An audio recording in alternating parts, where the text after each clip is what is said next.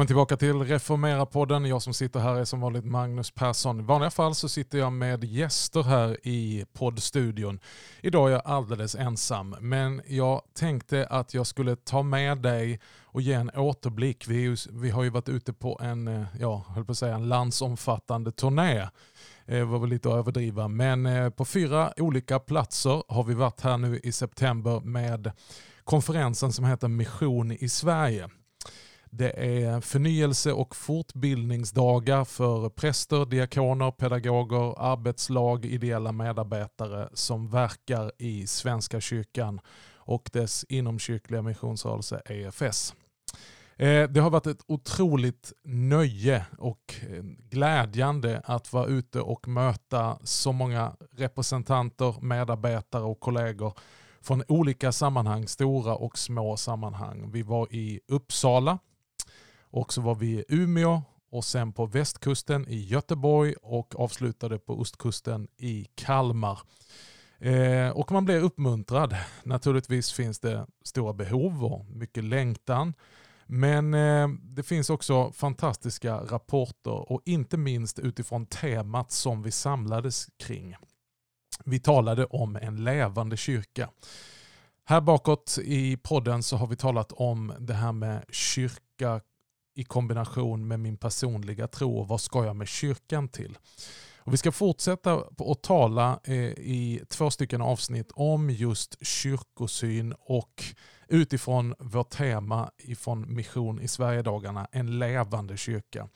Och precis som de här fortbildnings och förnyelsedagarna så ska vi ställa oss två frågor som vi försökte delvis besvara. Den första frågan är, vad är en levande kyrka? Och eh, inte minst då naturligtvis, vad gör kyrkan levande?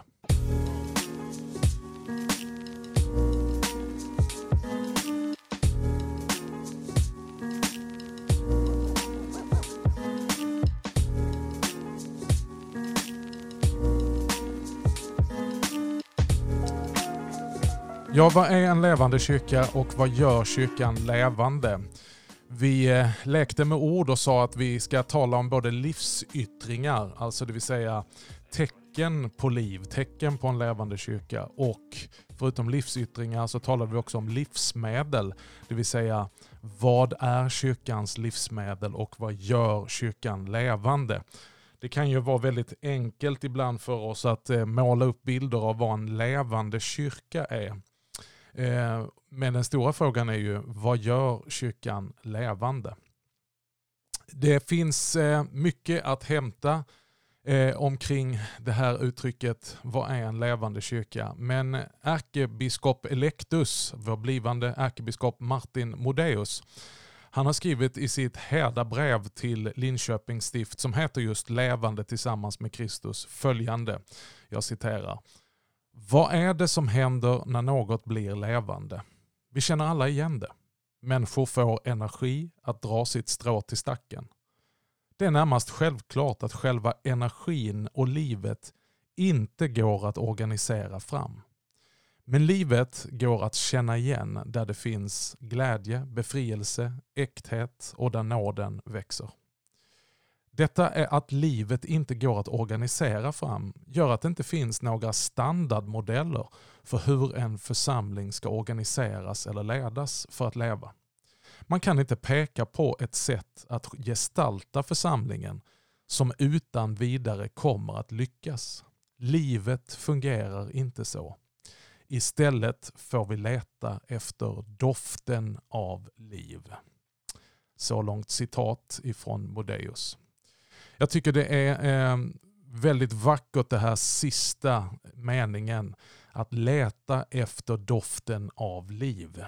Att se tecken på livsyttringar. Vad kännetecknar en levande kyrka och hur kan man se de här livsyttringarna eller känna doften av liv? Ja, det går inte att göra en heltäckande beskrivning av vad en levande kyrka är. Ibland kan vi tala om en exceptionellt levande människa och då kan vi gärna hamna i stereotyper. Att vi beskriver en väldigt aktiv människa, en människa som är duktig på att njuta och ta för sig av livet. Jag vet inte, olika bilder, men det är egentligen inte det som konstituerar en levande människa. De första tecknen på liv vi söker efter hos en människa det är att det finns en andning och att det finns en puls. Eh, men hur gestaltar sig då denna andning eller anden, livets ande, den helige ande, livgivaren? Hur eh, kan vi upptäcka de här livsyttringarna i en levande kyrka? Ja, om det så tänkte jag tala lite grann i det här programmet idag. Eh, men låt oss börja utifrån ett annat perspektiv. Det är ju så här att idag så talar vi väldigt mycket om organisation. Och I all form av organisationslära och managementlitteratur så är det inte sällan Jürgen Habermas citeras utifrån hans två begrepp systemvärden och livsvärden. Alltså två stycken världar, eh, vi skulle kunna kalla det för organisationen och organismen. Och Det är väldigt enkelt att vi hamnar i ett motsatsförhållande där eh, det blir en strid, vilket det kan uppstå mellan livsvärden och systemvärden. Men vi behöver nog inse att vi behöver både systemvärden och livsvärden. Det är lite grann som att vårt liv också behöver en kropp, en struktur, ett system. Det räcker inte bara med livsande och här kan vi också dra paralleller till inkarnationens centrala del av kristen tro, där ordet blir kött och har tagit sin boning ibland oss, så att vi kunde se hans härlighet. Så systemvärlden, om vi ska sammanfatta väldigt enkelt och förenkla det, det är ju det som har med struktur, organisation, administrativa rutiner och så vidare. Det är systemvärden. Men systemvärden är ju tänkt, den kan inte som Modéus tog upp i sitt eh, citat, kan inte skapa eller föda fram livet. Utan systemvärlden ska tjäna och förvalta och kanalisera det livet som är fött i livsvärlden. Alltså det dynamiska livet, rörelsen, kraften. Så i den bästa av världar så tjänar systemvärlden livsvärden.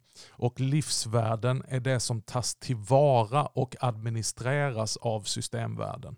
Men systemvärden kan alltså inte skapa livsvärden. Den bilden som jag använde mig när vi var ute på de här eh, dagarna, fortbildningsdagarna, det var eh, någonting som ligger väldigt nära många av oss, kollektivtrafiken. Jag visade först en bild av Eh, eh, tidtabeller och eh, det här liksom eh, körschemat, det vill säga eh, den här planerade där det, där det ska gå rutter, eh, där bussen ska stanna, vilken tid den ska komma, vilken tid den ska gå och vart den ska gå. Det ena är systemet, att man har gjort ett system som täcker en stad med kollektivtrafik där det finns olika busshållplatser och det finns en tidtabell. På den andra bilden visade jag människor som står och väntar på bussar och bussar som försöker ta sig fram i olika väder, inte minst oväder.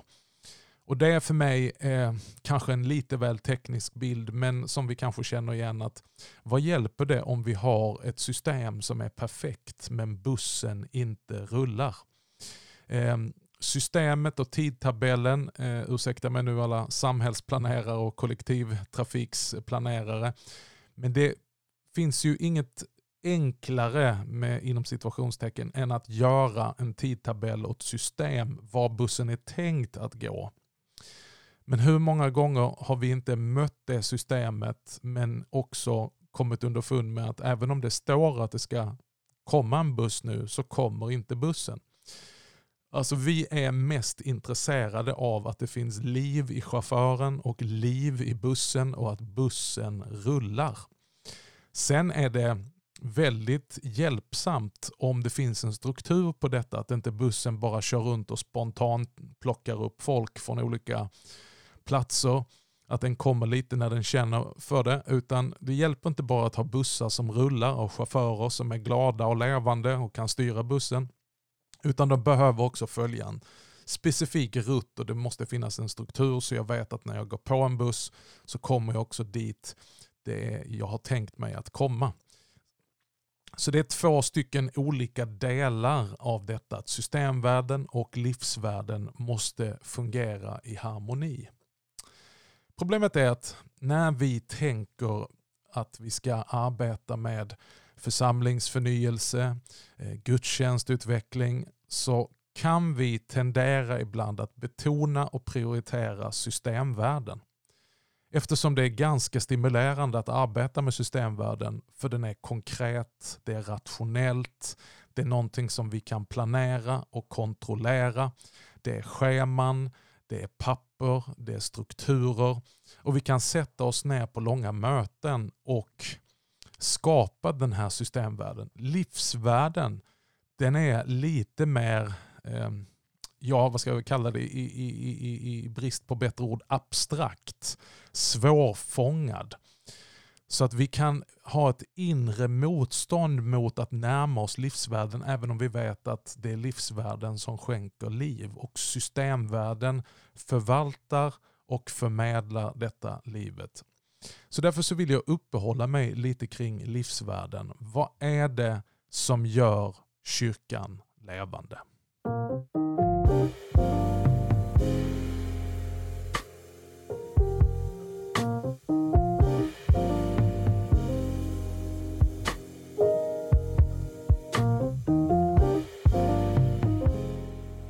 Man skulle kunna säga att Jesus han talar lite grann om systemvärlden kontra livsvärlden om jag inte drar den tolkningen för långt i Johannes 15. Hans eh, tal om vinrankan och grenarna. Han eh, påpekar att eh, grenverket kan ingenting göra i sig själv. En enskild gren kan inte göra någonting i sig själv om den inte är kopplad till stammen, till vinrankan, vinstocken som är han. Det är från honom som livet utgår. Utan mig kan ni ingenting göra, säger Johannes 15 och 5. Johannes skriver sen i sitt första brev i femte kapitlet och tolfte versen att livet är i hans son och den som har sonen har livet. Men den som inte har Guds son har inte livet. Så livet utgår ifrån sonen och vi behöver ett system men det systemet måste vara rotat i livsvärden för att förvalta och förmedla det livet. Jag citerar utifrån Modeus härdabrev igen. Och Det står så här på sidan 110 och 111. Organisationsfrågorna kan lätt ta över ett sammanhang. Här behöver vi vara på vår vakt och värna om livsvärden. I en kyrka som fäster allt för stor vikt vid organisation och administration behöver vi skärpa våra blickar för livsvärden. Vi behöver vänta in livets egen dynamik och se var det växer innan vi agerar. Att vi väntar in den helige andens verk och rörelser. Om inte livet, Eh, om livet inte växer spelar det ingen roll om principerna bakom vårt agerande är systemvärldsmässigt rätt. Det har blivit fel ändå. På frukten känner man trädet. Ja, här understryker Modeus det här som eh, jag nämnde att vi gärna kan betona organisationsfrågorna och hamnar i systemvärlden. Men systemvärlden kan inte skapa liv. Utan när systemvärlden är som bäst så underlättar den för livet att nå fram och att förvaltas och förmedlas. Eh, och eh, Därför så skulle jag vilja tala lite grann om vad är då de här livsyttringarna? Doften av liv. Hur doftar en levande kyrka? Utan att uppehålla mig vid specifika former, uttryckssätt, stilar, allt sånt som vi riskerar att stereotypt bedöma som en levande kyrka. Utan vi ska försöka gräva oss ner i skriften och egentligen bara hålla oss begränsat till första Petrus brev det andra kapitlet. Och jag ska läsa tio stycken versar där. Eh, det är inte alltid vi gör det i Reformera-podden så här att det blir rent undervisande. Eh, men jag tror att det finns en poäng. Första Petrusbrevet 2, vers 1-10. Där säger Petrus, lägg därför bort allt slags ondska, falskhet och förställning, avund och förtal. Som nyfödda barn ska ni längta efter den rena andliga mjölken för att växa genom den och bli räddade. Ni har ju fått smaka Herrens godhet. Och när ni kommer till honom, den levande stenen, ratad av människor men utvald av Gud och ärad av honom, då blir också ni till levande stenar i ett andligt husbygge. Ni blir ett heligt prästerskap och kan frambära andliga offer som Gud vill ta emot tack vare Jesus Kristus. Det står ju i skriften, se på Sion lägger jag en hörnsten, utvald och ärad. Den som tror på den ska inte stå där med skam. Äran tillfaller alltså er som tror. Men för dem som inte tror har stenen som husbyggarna ratade blivit en hörnsten. En sten som de snavar på, en klippa som de stöter emot. De stöter emot därför att de inte lyder ordet. Så är det förutbestämt för dem. Men ni, ni är ett utvalt släkte, kungar och präster, ett heligt folk, Guds eget folk som ska förkunna hans storverk. Han har kallat er från mörkret till sitt underbara ljus. Ni som förut inte var ett folk är nu Guds folk. Ni som förut inte fann barmhärtighet har nu funnit barmhärtighet. Så lyder Herrens ord. Gud, vi tackar dig. Utifrån de här verserna så skulle jag vilja titta lite grann på livsyttringar, kännetecken på liv eller doften av liv i en levande kyrka. För att få lite bakgrund till Petrusbrevet, bara väldigt enkelt, så talar Petrus in i en situation och till platser där de kristna gemenskaperna det är inte tal om väldigt mycket av systemvärd. Eh, det är inte tal om att det finns lokalförsörjningsplaner. Det är inte tal om att det finns verksamhetsplaner och strategidokument och församlingsinstruktioner. Utan han talar till en lidande skara. Om vi läser i första kapitlet och första versen och inledningen så ser vi att brevet är från Petrus, Jesu Kristi apostel, till de utvalda som lever förskingrade som främlingar. Och så nämner han en mängd olika platser.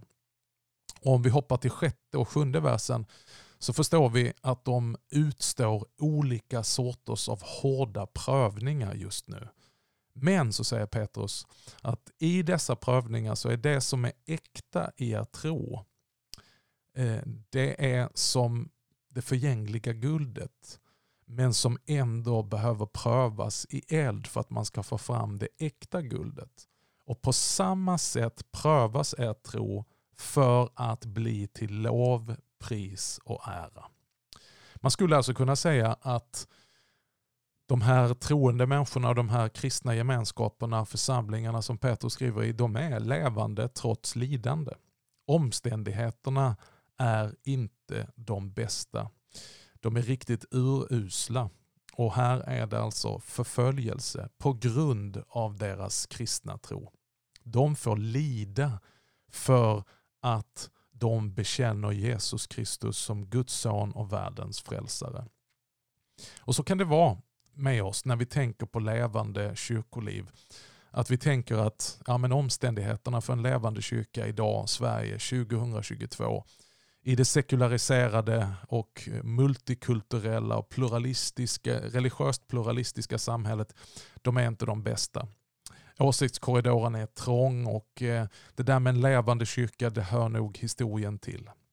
Men om vi tittar ut över världen så ser vi att mycket av det levande kyrkolivet vi kan hitta, där kyrkan växer och där kyrkan är kraftfull, den är det, det, är inte alltid det sammanfaller med var kyrkan har de bästa omständigheterna. Utan den kan leva under politiskt eh, förtryck i samhället. Det kan finnas enorm förföljelse. Ja, det finns till och med martyrer i vår tid i de kyrkorna som verkligen är levande. Så en levande kyrka betyder inte alltid att systemvärlden är på topp. Det betyder inte att omständigheterna är gynnsamma. Livet är inte beroende av det utan livet är starkare. Petrus han säger väldigt trösterikt och själavårdande i slutet av sitt brev, sitt första brev i femte kapitlet och tionde versen. Om ni nu får lida en kort tid så ska Gud som skänker all nåd och som har kallat er till sin eviga härlighet genom Kristus upprätta er, stödja er och ge er fasthet. Så de är levande fast de är under lidande. Och Det är bra att ha med sig den bilden när vi går vidare in och tittar på de olika livsyttringarna eller kännetecken på en levande kyrka. Och eh, innan vi avslutar dagens avsnitt, vi fortsätter eh, i ytterligare ett avsnitt och tittar på detta, så ska vi ta några stycken kännetecken utifrån de versarna som vi läste, de tio versarna som vi läste i första Petrus brev, det andra kapitlet. Det första kännetecket som jag vill lyfta fram och som är en förutsättning, det kallar jag för en levande Jesus. En levande Jesus. Petrus han börjar med att säga i vers 4, kom till honom, den levande stenen, ratad av människor men utvald av Gud. Det kan låta som att detta är på söndagsskolenivå och väldigt basic och grundläggande. Men det är precis det det är. Det är grundläggande. Eh, det som kännetecknar en levande kyrka oavsett uttrycksform, stil, högkyrklig, lågkyrklig, gammalkyrklig, folkkyrklig, frikyrklig.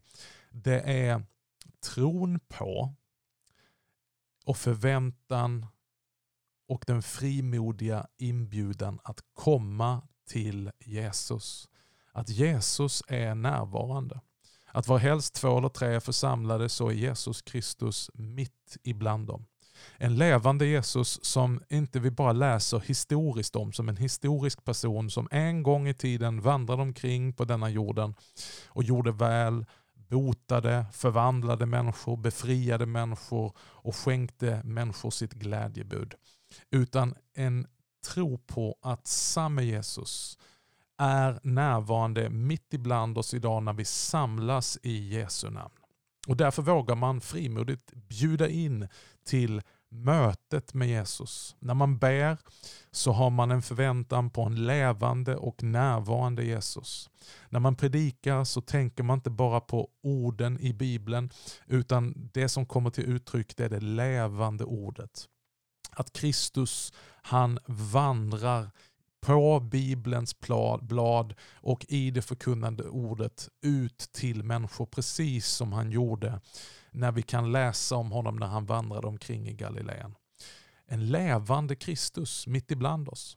Det vi eh, med övertygelse säger när vi firar måltiden att detta är Kristi kropp, säger vi om brödet, och detta är Kristi blod utgjutet för de många till syndernas förlåtelse. Vi bjuder med frimodighet in till gemenskap kring Herrens bord för att ta emot honom själv. Att han är närvarande. Välsignad är han som kommer i Herrens namn. Så sjunger vi.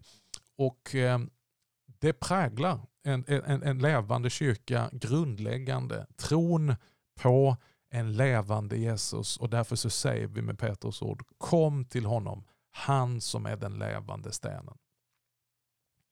Strängnäsbiskopen Gustav Aulén ehm, som är en känd teolog långt utanför eh, Sveriges gränser. Ehm, för länge sedan, nästan hundra år sedan, så skrev han Den allmänneliga kristna tron och där skriver han allt kristet trosliv har sin rot i det av den helige ande skapade församlingslivet. Vare sig det gäller trons tillblivelse eller troslivets fortsatta existens är relationen till det av anden skapade församlingslivet av essentiell betydelse. Här kan det alltså inte finnas något utrymme för oss att välja mellan Kristus och kyrkan. Det är nämligen lika meningslöst att vilja taga Kristus utan kyrkan som kyrkan utan Kristus. Så långt citat Aulén.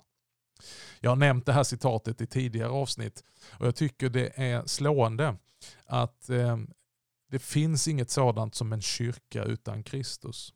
Och det finns inte heller Kristus utan hans kropp, kyrkan. Det är Kristus som gör kyrkan levande.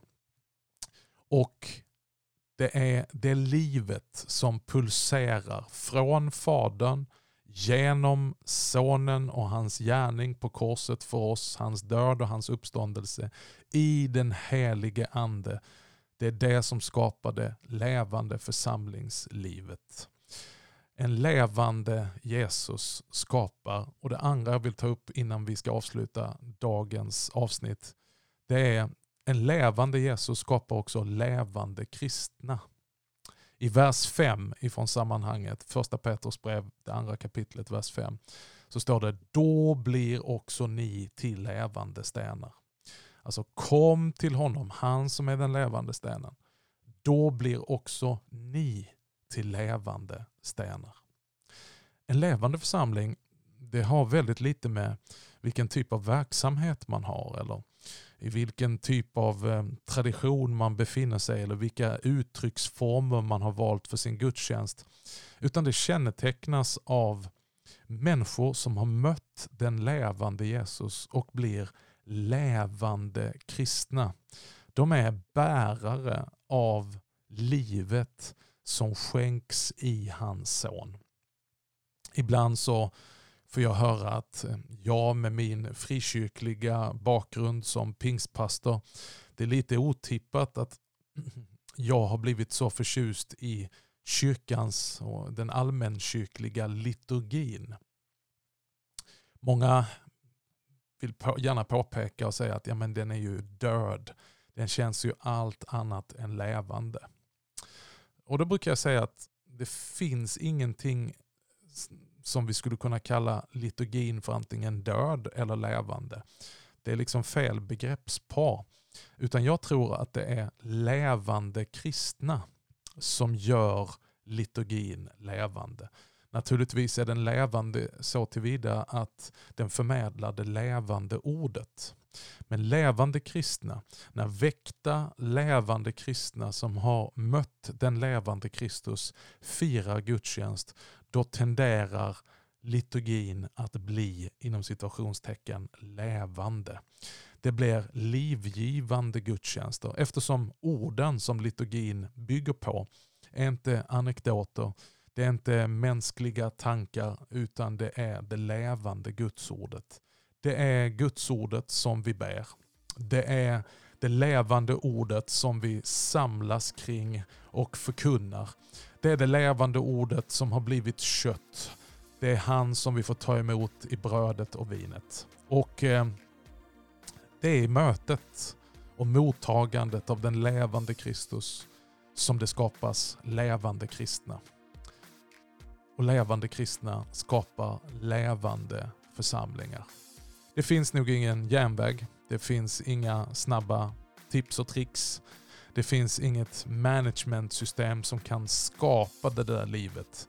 Däremot så finns det goda system och strukturer som kan underhålla, förvalta och förmedla det livet. Men en levande Jesus, oavsett om omständigheterna är gynnsamma, skapar, är grunden för levande kristna. Och då tänker du, ja men nu så ser jag lite stereotypa bilder framför mig vad du menar med levande kristna. Hur känner man då igen levande kristna i en levande kyrka? Jag är glad att du ställer den frågan. Om detta ska vi återkomma nästa avsnitt. Tack ska ni ha för idag.